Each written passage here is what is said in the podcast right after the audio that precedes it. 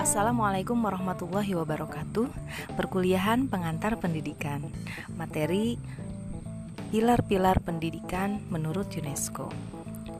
Ada empat pilar menurut UNESCO. UNESCO adalah organisasi PBB yang bergerak dalam bidang pendidikan dan kebudayaan UNESCO telah mencanangkan empat pilar pendidikan sekarang dan masa depan yang perlu dikembangkan oleh seluruh lembaga pendidikan, khususnya lembaga pendidikan formal. Empat pilar tersebut adalah yang pertama, learning to know, yaitu belajar untuk mengetahui, yang kedua, learning to do, yaitu belajar untuk terampil melakukan sesuatu, yang ketiga, learning to be, yaitu belajar untuk menjadi seseorang, dan yang keempat, learning to live together, yaitu belajar untuk menjalani kehidupan bersama.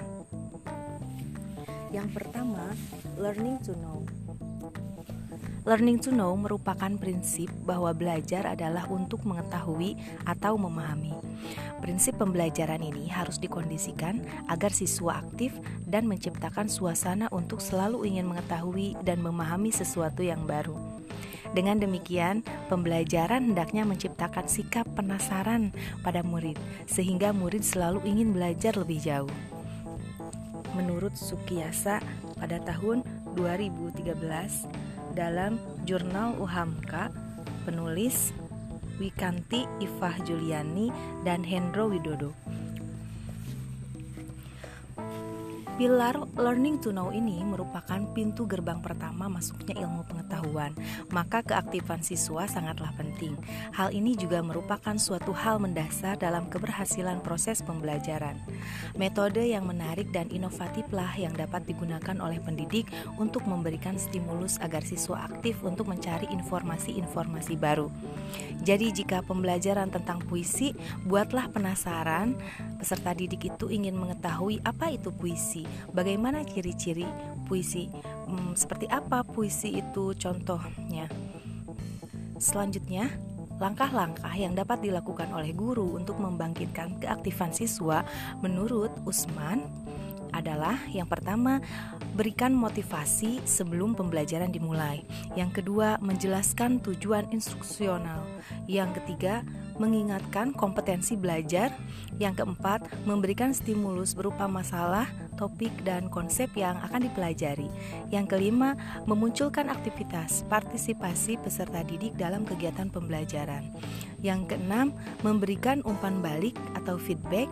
Yang ketujuh, melakukan tagihan-tagihan kepada peserta didik berupa tes sehingga kemampuan peserta didik selalu terpantau dan terukur. Yang kedelapan, menyimpulkan setiap materi yang disampaikan di akhir pembelajaran. Yang yang kesembilan, keaktifan dapat ditingkatkan dan diperbaiki dalam ketertiban siswa pada saat belajar. Itu adalah learning to know. Sekarang yang kedua, pilar learning to do. Pilar yang kedua ini adalah pilar yang menekankan pentingnya berinteraksi dengan lingkungan dan memecahkan masalah yang muncul. Kemampuan soft skill dan hard skill sangat dibutuhkan dalam penguatan pilar ini, karena sesungguhnya pendidikan merupakan bagian penting dalam penyiapan sumber daya manusia yang berkualitas dan cakap dalam menghadapi perkembangan zaman dengan cara mengembangkan seluruh potensi yang dimilikinya, menurut Laksana pada tahun 2016. Hard skill merupakan penguasaan ilmu pengetahuan, teknologi, dan kemampuan teknis yang berhubungan dengan bidang ilmunya. Sedangkan soft skill merupakan keterampilan di luar keterampilan teknis yang tadi. Dua kemampuan inilah yang dimiliki oleh setiap individu.